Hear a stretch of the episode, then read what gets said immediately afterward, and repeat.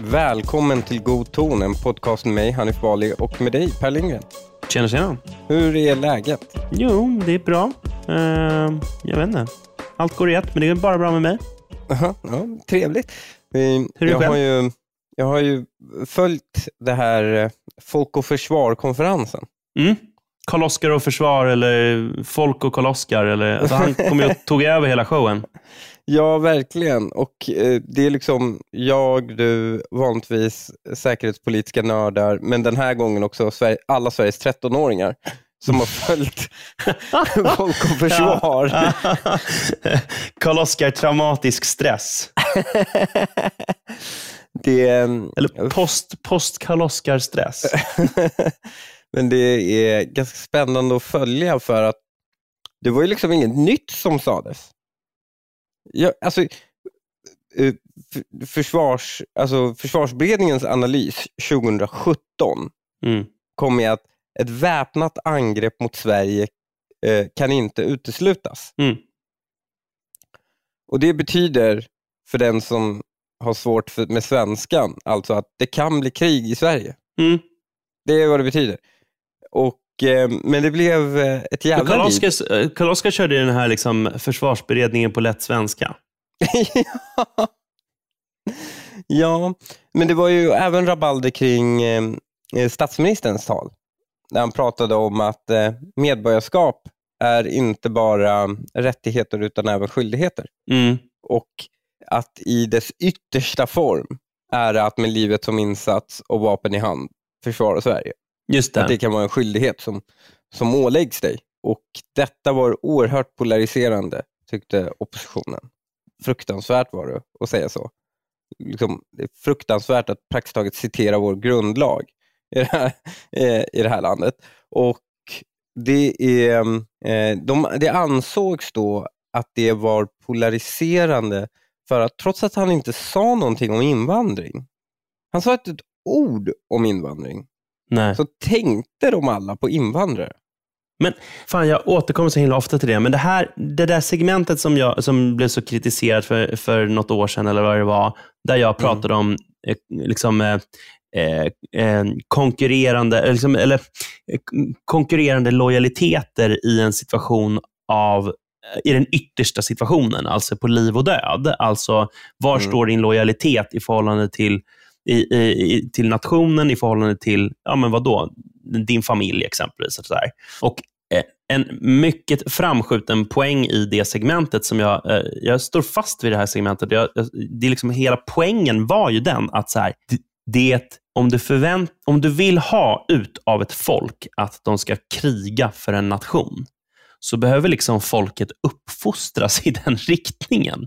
Alltså det finns liksom, det må, du måste genom kultur få till att folk vill kriga för nationen.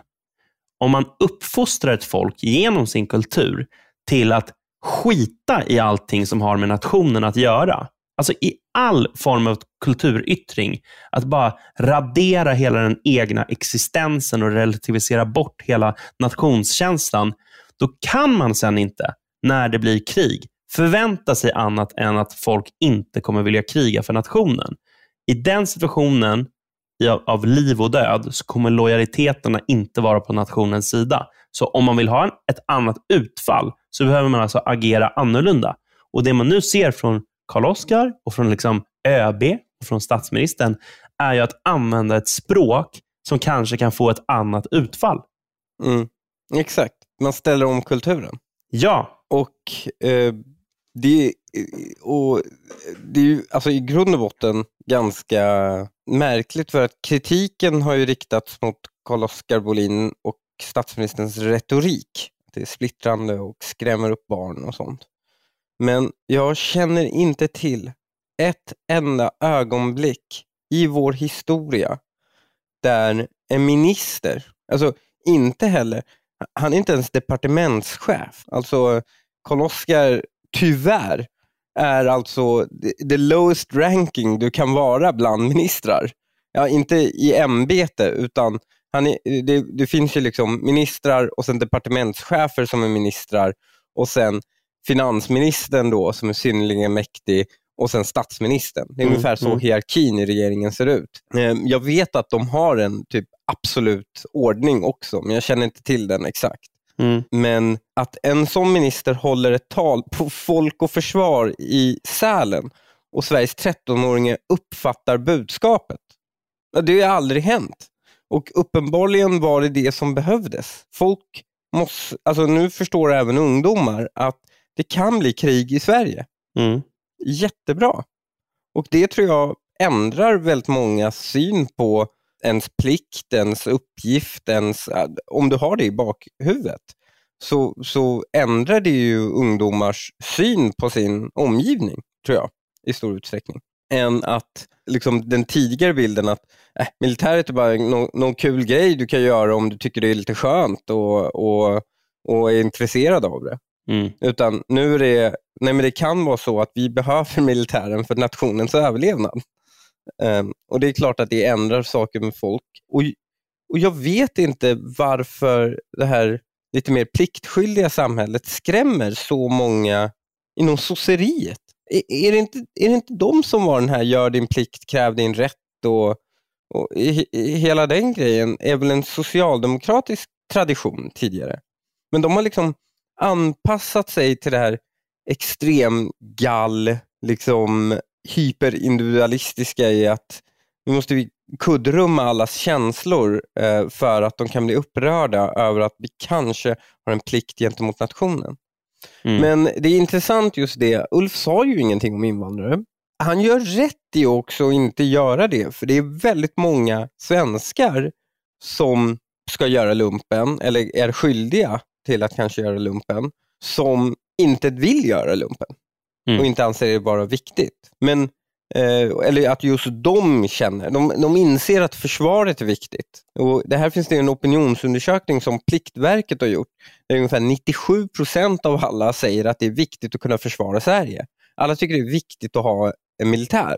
Eh, men det är bara 50 procent eh, som är själva sugna på att göra det. Mm.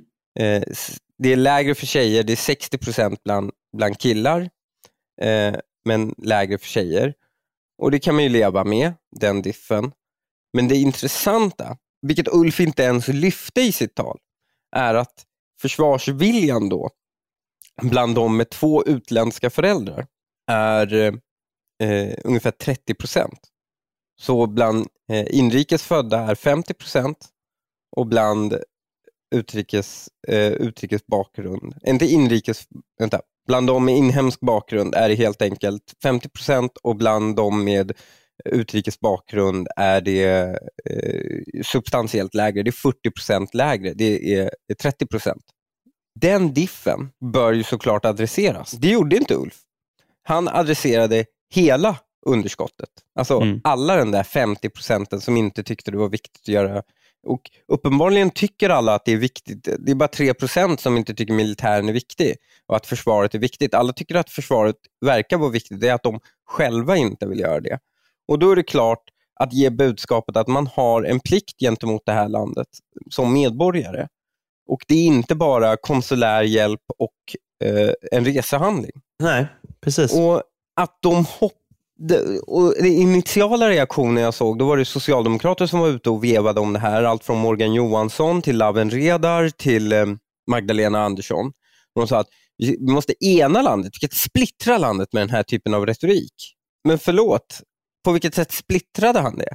Men många tolkade då att det hade med invandring att göra för att deras intuition, tror jag, korrekt sa till dem att försvarsviljan är lägre bland invandrare. Det var deras första intuition. Och Det första de gör då är att gå och försöka hitta motbevis till den här intuitionen.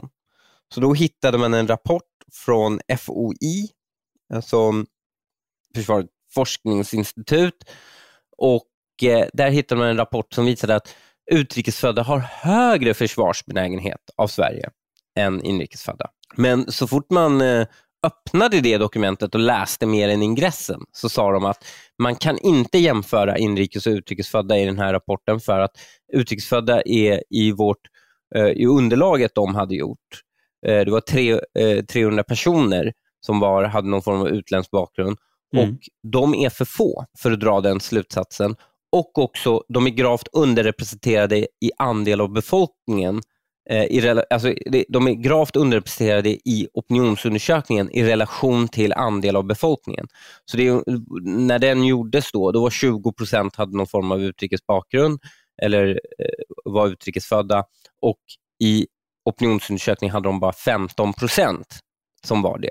Därutöver så berättar de att andelen som hade nordisk bakgrund av de utrikesfödda var dubbelt så hög bland de som svarade på enkäten än befolkningen i övrigt. Så de hade inte fått alla icke-nordiska invandrare. Det var en, en extrem liten sample size, så de kunde inte dra några slutsatser. Och De var väldigt, väldigt noga med, det här var ingen så här, liten notis längst bak, det var i början av kapitlet mm, mm, det stod. Mm. Men jag kan mycket väl tänka mig att försvarsviljan kanske är högre bland gubbar, vilket man har sett i andra, att det är högre bland invandrargubbar än vad det är bland uh, ungdomar uppvuxna i Sverige med utländsk bakgrund. Ja. Jag, menar, jag tror inte invandrargubben pallar Uh, han pallar nog inte. Jag tror någonstans längst inne vet de att de, de förmodligen inte är aktuella. Men också att de innerst inne kanske inte pallar flytta, byta land en gång till. Nej, visst. Exakt. Eh, det finns en sån faktor, medan den med utländsk bakgrund är, och uppvuxen här, så kanske den känner, ja, jag är Babbe här, jag kommer vara Babbe i ett annat land också. så, så, ehm, och den har inte, förstår inte hur, kanske hur jobbigt det är att byta land. Men alldeles oavsett så kan vi inte dra några som helst slutsatser. Men ändå citerade sossar denna rapport. För det, det finns något i den här, det är den här ehm, jag har pratat om den här memen tidigare, den här normalfördelningen av, av, av eh, IQ. Att människor mm, som, som är idioter, har låg IQ och bara går rent på intuition, oftast har rätt tillsammans med liksom de med allra högst IQ. Medan de här normisarna i mitten, de ska alltid liksom försöka vara kontraintuitiva. Liksom, bara, min intuition är fel, jag ska använda mitt intellekt och det intellektet räcker inte till. Och, och och Det är ungefär det man såg, för då citerar de den här rapporten. Och Då gick jag istället till Pliktverket. Jag hörde av mig till deras presstjänst och fick deras, de gör alltså två undersökningar varje år. En kallas för nollningsundersökningen och en är den bearbetade undersökningen. Och Det de gör i början av året så kollar de på alla 17-åringar och sen så frågar de de här frågorna, så här, vill du göra lumpen, tycker du det är viktigt med försvaret och alla de här sakerna och tar reda på deras bakgrund och, och, och sånt. Och sen så gör man den opinionsundersökningen och sen börjar Pliktverket du vet, med att skicka brev, göra reklam, riktad reklam på Instagram och alla de sådana här till den målgruppen. Och Sen så gör man en till undersökning på hösten där man kollar vilken effekt hade vår opinionsundersökning. Jag vill bara säga att den har eh, ganska begränsad effekt, tyvärr. Eh, jag tror, den ökar Alltså, så uppenbarligen har den effekt, men det är en ganska liten sån. Det är några få procentenheter hit och dit eh, till det positiva. Men det intressanta är i den datan så, så är just de siffrorna som jag kom fram till. Men här, eh, media följde ju upp då Ulf Kristerssons tal om, när han pratar om att det inte är en resehandling. Mm. Och En fråga som ställdes honom, jag ska läsa högt. Eh, ser du en skillnad på inställning och försvarsvilja mellan de som är födda svenskar och de som blir medborgare senare i livet? Och Här finns det ju delvis alltså de som är aktuella för att göra värnplikt och på en krigsplacering i dagsläget är ju tonåringar. Och sannolikheten att de, har inte, de har inte kommit hit senare i livet då. Utan Nej. då har de ju varit, om de är medborgare lagom till 17-årsdagen eller 18-årsdagen när de ska mönstra. Om de är medborgare då, då har de ju varit här minst i fem år. Minst, minst i fem år.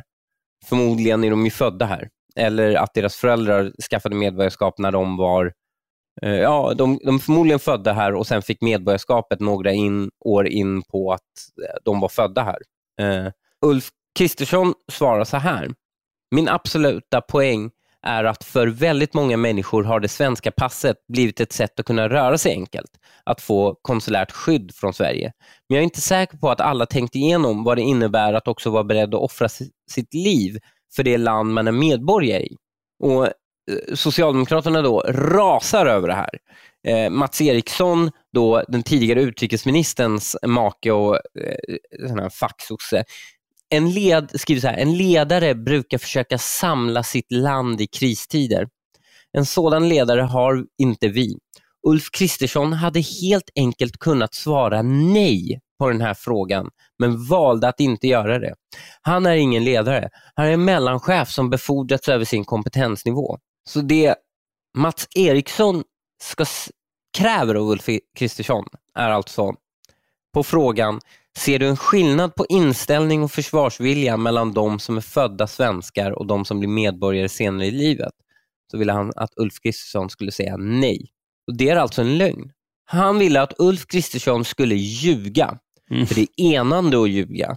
Och Sen kan sossarna väl sätta dit honom i KU för, på saklighetskravet för att han har ljugit. Det han valde att göra, jag menar, och det kan man ha synpunkter på, är att vara diplomatisk. Han valde att inte peka ut en enskild grupp, utan han valde att adressera hela problemet. Alltså det de tycker att han borde göra, mm, gjorde mm, han. Mm, det här är ju mm. så här störd gaslighting.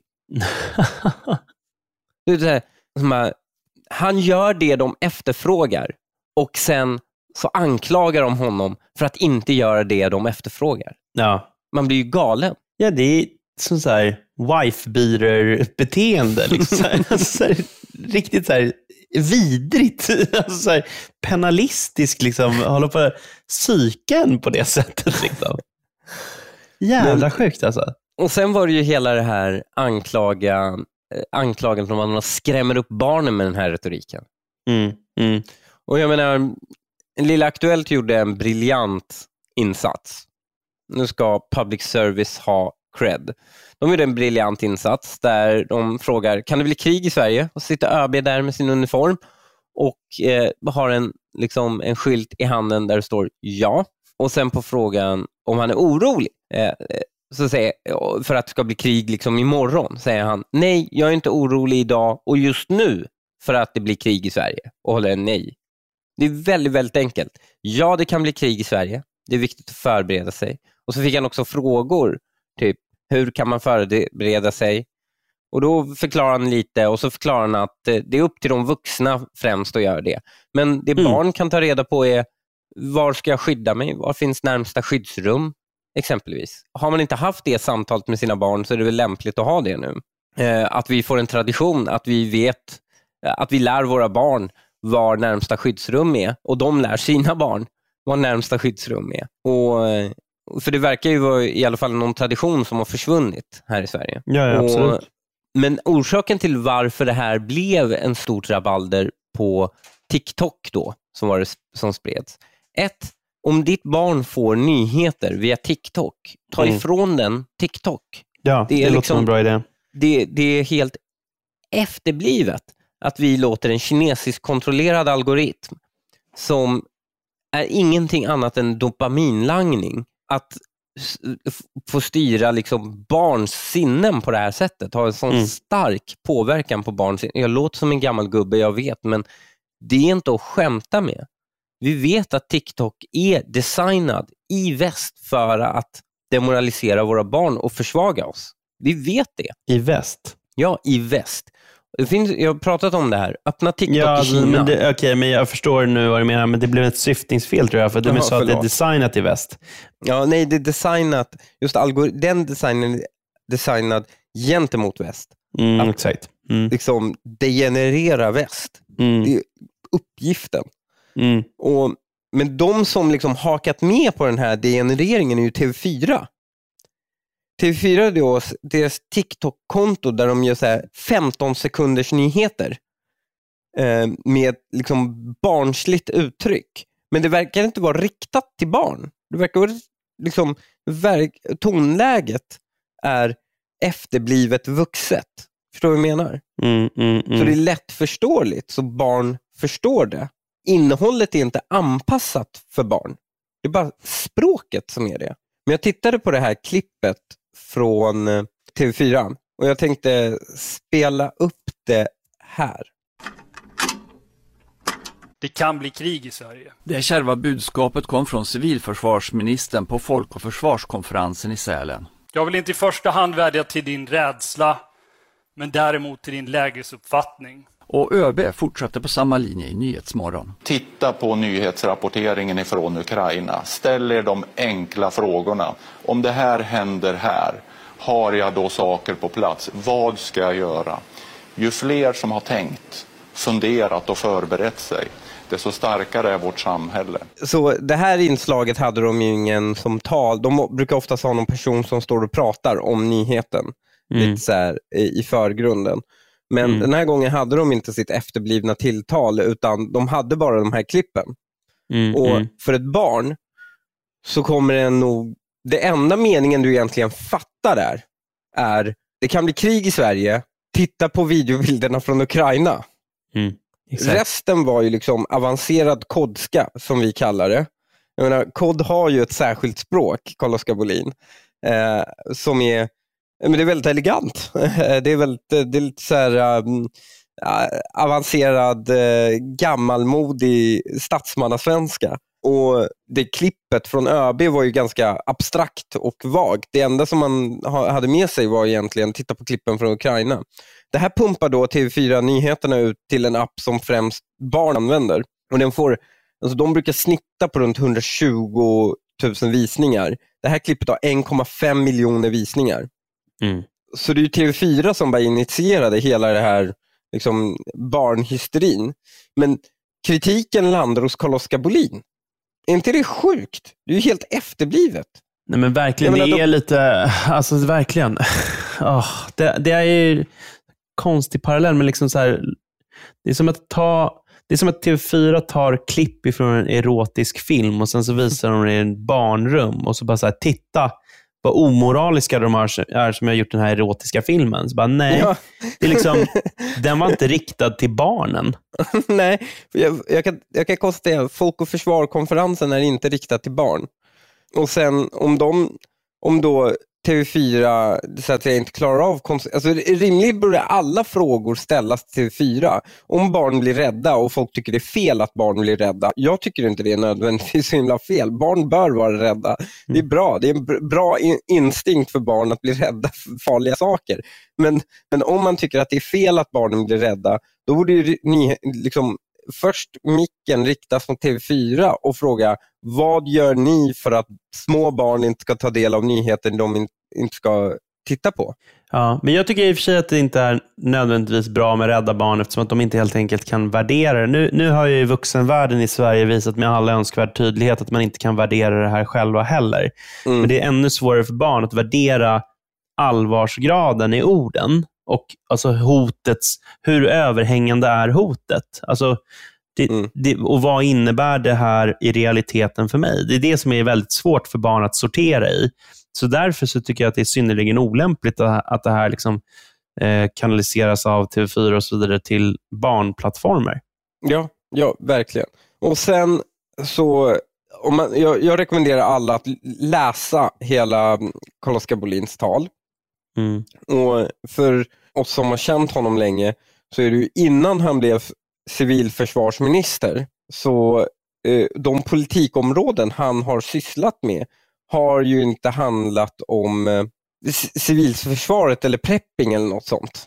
Utan eh, det, det har, han har sysslat med andra politiska frågor, så han är en ganska bred politiker. Men han har ju tjatat på oss om prepping i evigheter. Mm. Och jag menar, och nu går han ut och i kraft av sitt ämbete vill att svenska folket ska förbereda sig. Säger det väldigt klart. Han får kritik från klägget och ekonomin.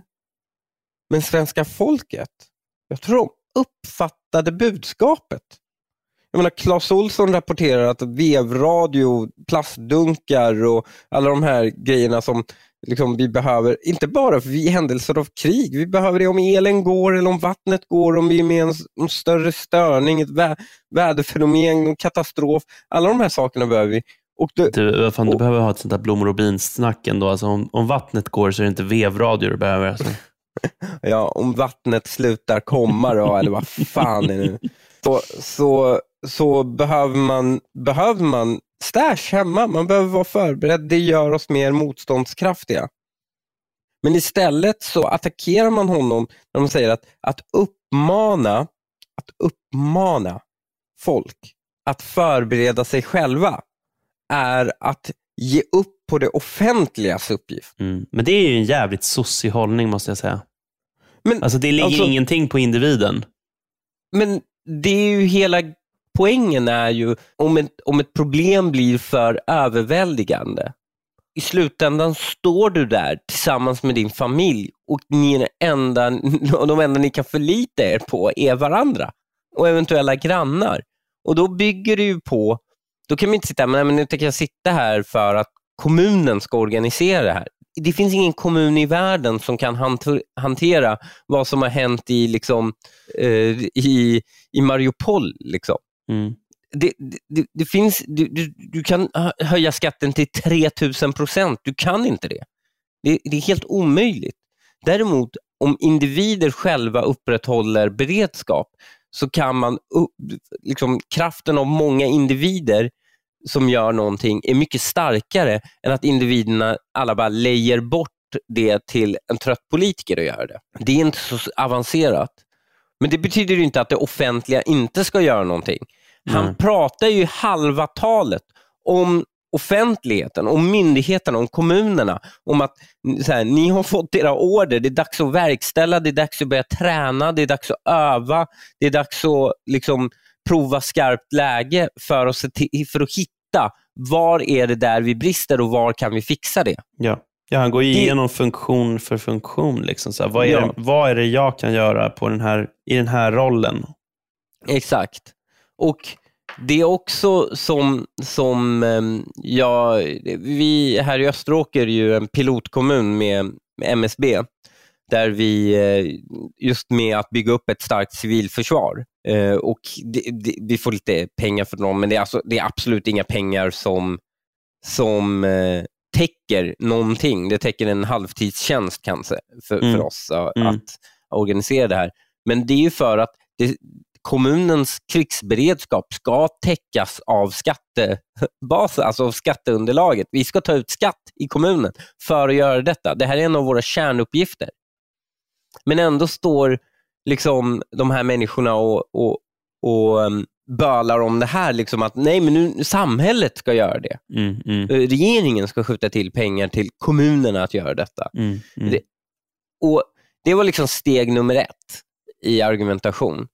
Men ehm, här var ju, eller, det första nålsticket, det kom från en försvarsdirektör i Länsstyrelsen i Blekinge. Har du lyssnat på det? Nej. Det kan bli krig i Sverige och vi måste förbereda oss. Det var budskapet ifrån både ÖB Mikael Bydén och civilförsvarsminister Carl-Oskar Bolin under konferensen Folk och Försvar. Vi är i ett säkerhetspolitiskt och ett säkerhetsläge som är ju det, det, det allvarligaste sedan andra världskriget. Mikael Bydén hörde vi där. Här i Blekinge måste vi öka tempot i förberedelserna för om något händer. Samtidigt kan man tolka regeringen på lite olika sätt, det menar Peter Ryman, försvarsdirektör på Länsstyrelsen. Å ena sidan så, så är ju styrningen från regeringen är ju lite konstig utsett utifrån det här vad, vad ministern säger. Vi ser ju inte i regleringsbreven att den här prioriteringen finns. Men samtidigt så ser vi på omvärldsläget att vi måste göra någonting och vi, vi jobbar ju hårt tillsammans med region och kommun och näringsliv här att skapa en gemensam krigsorganisation, att öva, öva, öva. Vad tycker du att man ska göra som Blekingebo i det här läget? Här handlar mycket om att stärka försvarsviljan, att ta med sig det här hem och omsätta det. Att vara lite prepper. Vi såg ju senast här med snöstormen E22, att ta med sig en filt i bilen och lite vatten.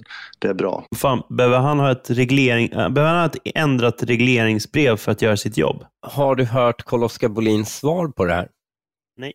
Ja, jag pausade porren, fortsatte runka och kom.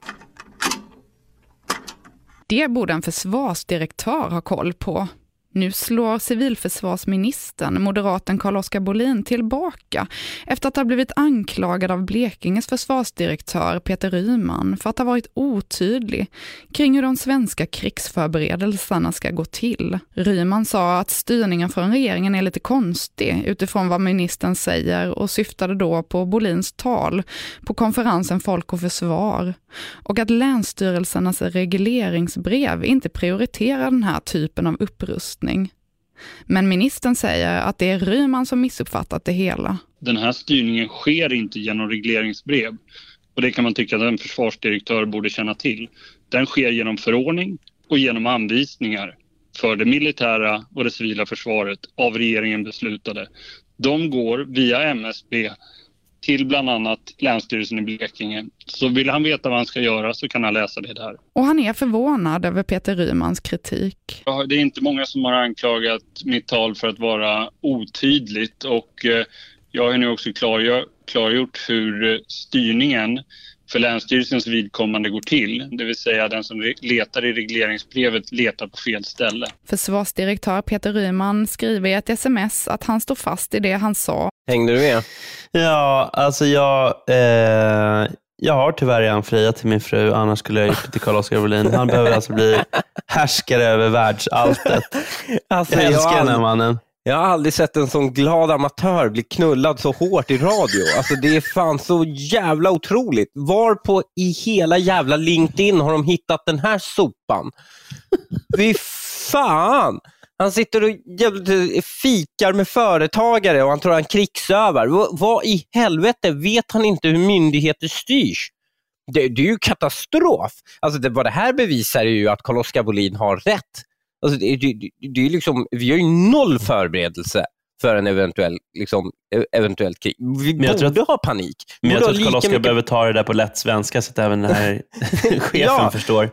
Ja, men alltså det, det är liksom... Uh, du får sparken. där fick du det på lätt svenska. Alltså, helvete. Det är liksom, vi borde ha lika mycket panik som de här 13-åringarna om det här är liksom de som, som ska organisera det civila försvaret. Mm. Ja. Men det, sen har liksom den här drevet liksom mot Karl-Oskar fortsatt. Jag såg Amanda Schulman, eh, eh, såg du vad hon hade skrivit? Nej, jag också, det är samma där. Jag har sett att hon har skrivit, men jag har liksom inte sett vad hon har skrivit det är, men det var liksom, åh, jag blir så äcklad att höra den här pajasen prata, bla bla. Det här är första gången, eh, liksom, jag är så trött på att höra honom prata. Jag är så trött. Det är en artikel i DN där han blir intervjuad. Men förlåt. Inte, Säg, din... Säger de senaste tre grejerna som har irriterat dig, Amanda Schulman. Vilka, ja. vilka av Karl-Oskars uttalanden? Den här människan har ju för fan inte följt svensk politik någonsin. Hon vet inte vem han är. Nej, och det här är också det fucking märkliga. Alltså Carl-Oskar Bolin är inte så jättemedial. Nej. Han är ju inte den alltså, som är ute och alltså, klipper alltså, band. Och... Hon, hon, har följt, hon har följt ministern för civilt försvar så till den grad att hon har tröttnat. Han har pratat för mycket i media. Det är så här, riktigt nördigt politiskt intresse alltså. Och Det här är grejen, att jag är ju otroligt partisk. Jag, mm. jag vill bara att vi är helt transparenta. Jag känner Carl-Oskar Bolin ja, men nu, nu i 15 år och du har ju känt honom ännu längre, eller hur? Ni pluggade ja, ihop vi... i... Känner jag? Har jag känt honom längre än dig? Det visste inte jag. Men, nej, men vi pluggade i juridik ihop och jag planerade en svanktatuering med hans namn. Jag var eh, toastmaster på hans bröllop och lite sådär. Ja, exakt. Och, eh, men du har känt honom längre faktiskt. Eh, mm -hmm. Jag lärde känna honom, jag tror 2009. Mm. Eh, som, som alltså, vi, vi kände till varandra innan, eh, för vi var aktiva i MUF ihop. Men jag blev liksom vän med honom. Jag tror det var 2009 där någonstans. Och Sen har vi ju suttit i riksdagen ihop i, i 12 år och nu är han minister. Mm. Och Vi är ju liksom, och det kan du vittna, vi är ju liksom på alla sätt varandras motsatser. Inte alla sätt, men många sätt till personlighet. Eh, och jag, jag skrev det här tidigare, han besitter ju liksom dygder på samtliga punkter jag har laster. jag menar, och många gånger har ju de här lasterna då jag har haft varit motiv till varför man då attackerat min person eh, i offentligheten. Jag menar, rap, rapp i käften eller otrevlig eller alltid på attack och mm, massor av sån här dålig ton och allt sånt. Men den här äcklet som sprids av klägget nu mot Karl-Oskar visar på med- den liksom absoluta tydligheten att det aldrig spelat någon roll om liksom vad eller hur någonting sägs. Nej. Utan de är bara nedriga mot honom trots att han har den sakligaste, torraste tonen i det här landet.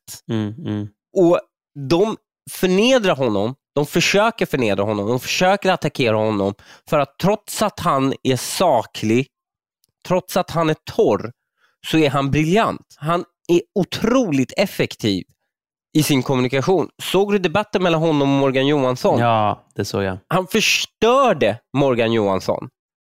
Det var den bästa dvärgporren jag någonsin sett. Där han, han liksom la Morgan Johansson på alla fyra och förnedrade honom. Och det, Han gjorde det med bara torr saklighet. Morgan Johansson var inte ens i rummet. Karl-Oskar tittade inte ens på honom. Han pratade bara om sakfrågan. Mm. Och Morgan Johansson förstördes i den debatten. Alltså. Karl-Oskar är ju den statsman som alla moderater spelar charader för att verka som. Ja, och det de ser bara är att det är någon som är bra. Han verkar vara bra på det han gör. Mm. Jag, när jag liksom var ja, på min peak och gjorde det, var liksom som jag var bäst, då var jag, jag var bra, men jag hade gjorde det med massor av liksom, attack, nedrigheter och whatever. Liksom. Jag, jag svingade vilt eh, och allt sånt. Han gör inte ens det, men Nej. han är bra. Mm. Och reflexen, och det har ju alltid varit min tes, att det, spel, det, det handlar inte om hur eller vad det sägs.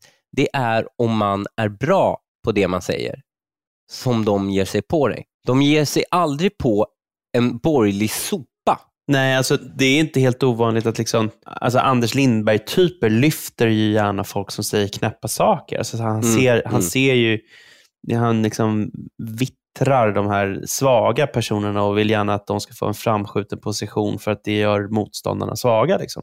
Mm. Men han, jag tror att Anders Lindberg kommer ju prata väldigt så allvarliga ordalag om Karl-Oskar förr eller senare. Alltså som en riktigt farlig person. Exakt. Så där. Det, är liksom, det, Det- det, är så de, det är den typen av så överord. Liksom, så här. De kommer- det här är en riktigt de- obehaglig människa. Liksom. Ja. Det, Det, de kommer göra det som de gjorde med mig. De kommer göra det. Jag, jag, jag slutade ju efter ett tag när jag blev tillräckligt stor och var den här, liksom, åh det här trollet. Mm. Utan jag började benämnas som farlig. Det var ju ett tydligt skifte jag såg. Och De kommer försöka med samma sak, nämligen alla tykonommobbare kommer gå runt och anse sig eh, vara liksom, att, jag en, att, att då Karl-Oskar är oskön och, Mm, mm, och mm. signalerar väldigt tydligt att ska du vara inne med oss måste du ogilla Karl-Oskar. Mm, Det, det är liksom, det, det, och det är det enda Amanda Schulman signalerar mm, eh, till sina hundratusentals följare. mm. Och, eh, för det var ingenting i sak hon hade att invända. Det var bara så här, haha tönt. Typ så. Jag vet, men, men, men liksom så här, det, det är lite skillnad på eh, Amanda Schulman-bubblan och liksom, eh, vänster-Twitter-bubblan. För jag tror att de har helt olika eh, intentioner eller, eller motiv bakom sitt agerande. Vänster-Twitter-bubblan vill, vill desarmera sin motståndare och de ser Mm. en fara i att så här, okay, här är en person som är verkligt kompetent. Vi måste liksom, eh, skjuta mot honom. Amanda Schulman är ju politiskt förtappad och vet liksom inte, kan inte skilja en eh, statsminister från sitt rövhål. Liksom. Hon, hon har ingen aning om någonting. Så att när hon, eh, när hon är ute och svingar om det här så är det för att hon är så jävla platt och, eh, och ogenomtänkt. Så att när hon hör någonting som hon uppfattar som obehagligt så vill inte hon höra det. Nej. Hon Nej, hör vad? det kan bli krig i Sverige och då känner hon så här, gud vad obehagligt. Tror- Nej, mycket trevligare att bara sitta och dricka bubbel på Rish. Liksom. Så att, eh, kan, vi, kan vi fokusera på det istället? Jag tror jag underskattar Amanda. Jag säger inte att hon gör en politisk analys, Mm. men vad hon är bra på, och det får man fan ge henne, nämligen hon är duktig på att se trender, hon är duktig på att se rörelser eh, liksom, och, och, liksom, och se, kommer den här personen bli någonting? Kommer det här bli något? Mm. Och Sure, det är swing and miss ibland med henne, men de här människorna är ganska duktiga på att se vad är the next big thing som jag ska antingen hata eller haka på. Och Det hon ser i Karl-Oskar är the next big thing och jag har bestämt mig för att hata honom för han är inte på min sida politiskt. Eh, och men det är liksom, det, det var i God tongruppen, en av våra lyssnare gjorde en väldigt bra lista på vad det var nu han hade gjort som var så fruktansvärt. Det, de, eh, det första är ju nu att han inte gjort värnplikten, som han alltså inte gjorde för att ett, han tillhör alltså samma årskull som, som ja, du, du är lite äldre än honom, eller hur? Mm, mm. Han är lite mer min årskull. Och Vi var liksom den sista lumparna, eller sista lumpargenerationen. Och på den tiden, eh, Pliktverket hade ju praktiskt taget gett upp. Du, du kunde gå dit och säga, och det, finns det, alltså, det här finns det vittnesmål, du kunde säga jag har torr hy och de bara, ja du slipper. Men Karl-Oskar har en synskada eh, och det har han medicinskt. Eh, liksom, så, det, så de kallade honom inte ens till mönstring. Mig kallar de inte heller till mönstring. Nej. Trots att jag faktiskt hörde av mig till dem och frågade, så här, för jag ville inte åka in i finkan. Och jag, visste, jag hade blivit medborgare när jag, blev 18, när, jag, när, när jag blev 18 år så fick jag möjlighet att skicka in mitt, min medborgarskapsansökan. Och Då antar jag att jag väl inte hann få medborgarskap innan Pliktverket drog ut eh, folkbokföringen. Mm. Så jag hörde mig, av mig till dem och de bara, nej, sorry. Liksom.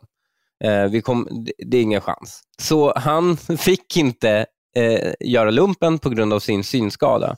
Och Det pushar då Expressen ut att eh, trots eh, orden om krig, han har inte gjort lumpen. Jag vet. Jag har Vad bråkat med Karin Olsson jävla om det här. helvete har det med. För det första är han inte försvarsminister, han är civilförsvarsminister. Nej, Vad... ja, minister för civilt, civilförsvar. Men, men ja. ja. jag vet. Men alltså så här, det jag vet. Hans jag, jag jobb är att få kommunen att leverera vatten. Måste han ha gått lumpen för det? Nej, men det är så jävla dumt. Jag, vi, vi, kan väl... Eh, eh, alltså, exakta rubriken är “Ministern varnar för krig. Gjorde själv aldrig lumpen”.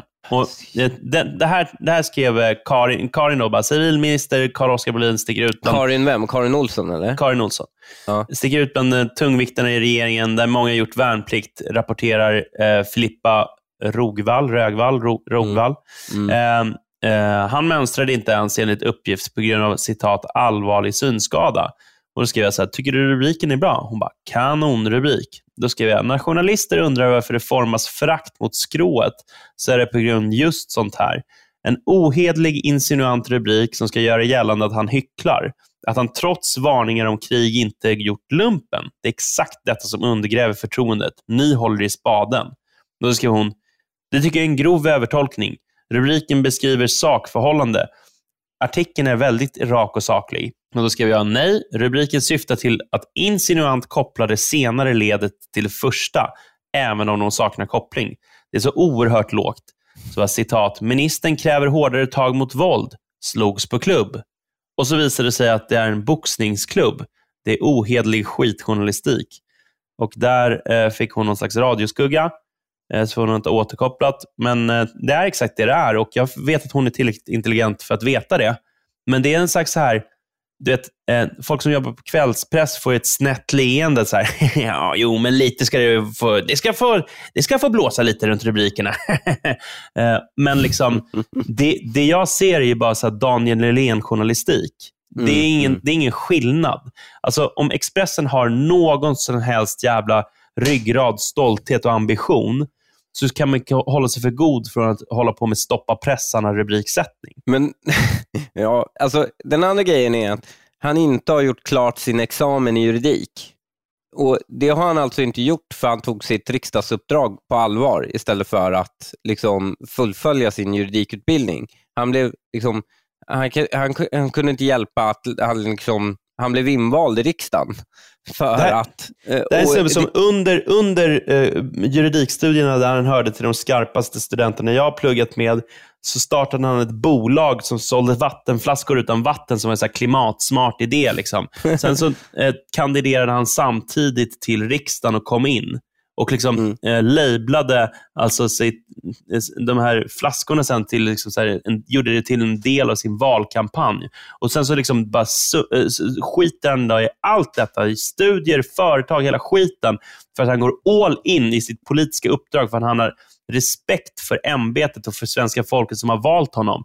Och så ska han då få stå till svars för det som att han har gjort något fel. Fuck you all, som säger någonting om det. Alltså. Och det enda han inte har kvar är fördjupningskursen. Mm. Alltså det är sista kursen. Han har ju lärt sig allt annat. Ja, och du vet, då kan du gå någon så här, som jag gjorde, så här medlingskurs och skit. Det är så här, det är så här skitkurser som man bara Ja. sitter av. Ja, så Det, menar- det, det är för att han inte prioriterar, det, det tar ju tid det också. Alltså det är inte så att Ja, han det inte... är klart. Det, men vet du vad? Han, jag har pratat med honom om, om detta. Jag har pratat med honom om detta. Jag bara, men vad fan, eh, riksdagsuppdraget är ganska flexibelt. Det, det, det finns gott om människor som har avslutat studier tillsammans med ett riksdagsuppdrag. Det finns det jättemånga. Men han ville inte det, för han ville prioritera sitt uppdrag, sitt ämbete han har fått. Ja. Och, och sen eh, den andra, tredje punkten man har attackerat honom, det är att vet, tantreporter, tyckte att han använde ett ord man inte ska som man inte använder i Finland, Mm. nämligen krig. Det, det, det är helt sanslöst. Alltså, Och hennes, hennes då vittnesmål fick stå för, fick bli liksom, hon fick bli ett Finland. sanningsvittne för Finland. Ja. Jag gick in i finska, eh, deras parlaments eh, hemsida och jag sökte hur många gånger har krig nämnts i deras anföranden. Jag Mm. kan garantera dig att det nämns ganska många gånger. Det är är en ren lögn att de inte nämner krig. Men hon fick bli, i Aktuellt fick hon bli sanningsvittne för Finland, hela Finland. Den här jävla journalisten från Yle som påstår att man är galen i Finland om man pratar om krig. mm. hon, är helt, hon är säkert helt opräglad av sina egna preferenser runt den Nej. frågan. Ja, såklart. Det, hon, hon var säkert helt saklig. Morgan Johansson han tyckte att hans tal var storvulet. Jaha. Eh, Jan Schenman tyckte att Bolin var ynklig. var ynkligt att individualisera, att kräva att människor ska förbereda sig. Alltså, det var ynkligt av Carl-Oskar Bolin att repetera det som hela försvarsberedningen som består av alla partier i Sveriges riksdag kom fram till 2017 och därtill uppmana människor att förbereda sig för kriget enligt den broschyren som MSB skickade ut för fem år sedan med, när, om, om kriget är här, eller vad den heter. Eh, och, och, och Det är då alltså ynkligt att han gör det. Sen så skrämmer han ju barn och, och sa jag att han inte gjort lumpen också. Det är otroligt viktigt. Det, är, det, det kan vi inte poängtera nog. Och Alla de här liksom attackerna ger sig på honom som person. Det är bara person. Det är aldrig innehåll, det är bara person. Och liksom, det är fan, man ska vara jävligt försiktig inom politiken att gå i god för folk. Fuck me alltså, det, det kan vara jävligt svårt. Man vet inte vad folk sysslar med i det privata. Det är liksom, och så. Men fan, Ka- Karl-Oskar, det, det är enda personen jag skulle våga att fullständigt gå i god för. Men, alltså, men den här jävla Scherman-typen, alltså, Mm.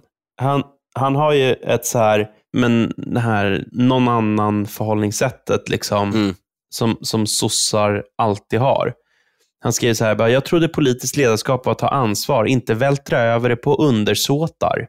Trodde Bolin skulle räkna upp allt som han som minister nu gör för att stärka våra, vår civila ber- Det vore ju beredskap. skittråkigt om han stod och sa att han, det han gör på dagarna är att läxa upp idioter på Länsstyrelsen som inte vet i vilket dokument de ska hämta sina orders. Ja, fast han gjorde ju det också. Han gjorde ju det. Han berättade om vilka, han snabb, vilka snabbspår Ja. han har satt de här lagarna i och sådär. Alltså han, han gjorde ju precis det. Han gjorde exakt det den här jävla clownen efterlyser. Men sen så gör han också det som, som ankommer på en, en ansvarsfull minister att göra. Att berätta för folket så här, vad kan jag göra? Mm. Men det blev för tungt. Det blev för tungt att bära för Scherman som tycker att någon annan ska göra allt. Men, men här är ju liksom, äh, det här är ju, om de lyckas polarisera bilden av Karl-Oskar, alltså Mm. Sveriges minst polemiska politiker, då är det ju, det de inte förstår är att det leder till människor som mig, att efterfrågan på människor som mig ökar. Nämligen, om du inte, om du, om du attackerar och är nedrig och vidrig mot politiker som försöker hålla sig till sak, som argumenterar i sak, som kanske till, och som också vinner över dig i sak, Mm. men de håller det sakligt. Om du är nedrig mot dem och de, de är, jag vet att Karl-Oskar, trots att jag, jag brukar hetsa honom så ofta, att bara säga ge tillbaka, ge tillbaka. Liksom. Och han står alltid över. Står, och han, det, det är klart att han vinner på det. det, det titta på vad jag är. Jag är en jävla stuga i Österåker. Han sitter och är minister. Men, men liksom, det, det är klart att eh, och, och är med och liksom formar Sveriges civilförsvar. Och, men han har konstant liksom stått över det, trots att han har haft all skäl i världen att ge tillbaka. De, Tidigare gånger han blivit politiskt attackerad. Man har alltid stått över det. Men om man fortsätter göra ner människor så här, då kommer till slut efterfrågan för någon som mig eller någon som också ger tillbaka, som Donald Trump, att bara säga, men ge tillbaka till svinen då. Det kommer ju bara öka. Samtidigt som det är samma människor som bölar om att samhällsklimatet har blivit så dåligt. Förstår de inte att Eh, liksom, hela poängen med att eh, om de håller sig sakliga så kommer fler politiker kunna hålla sig sakliga. Och ut, om alla bara håller sig sakliga så kommer utrymme för människor som mig som, som, som ge, fan ger tillbaka kommer inte att vara så stort.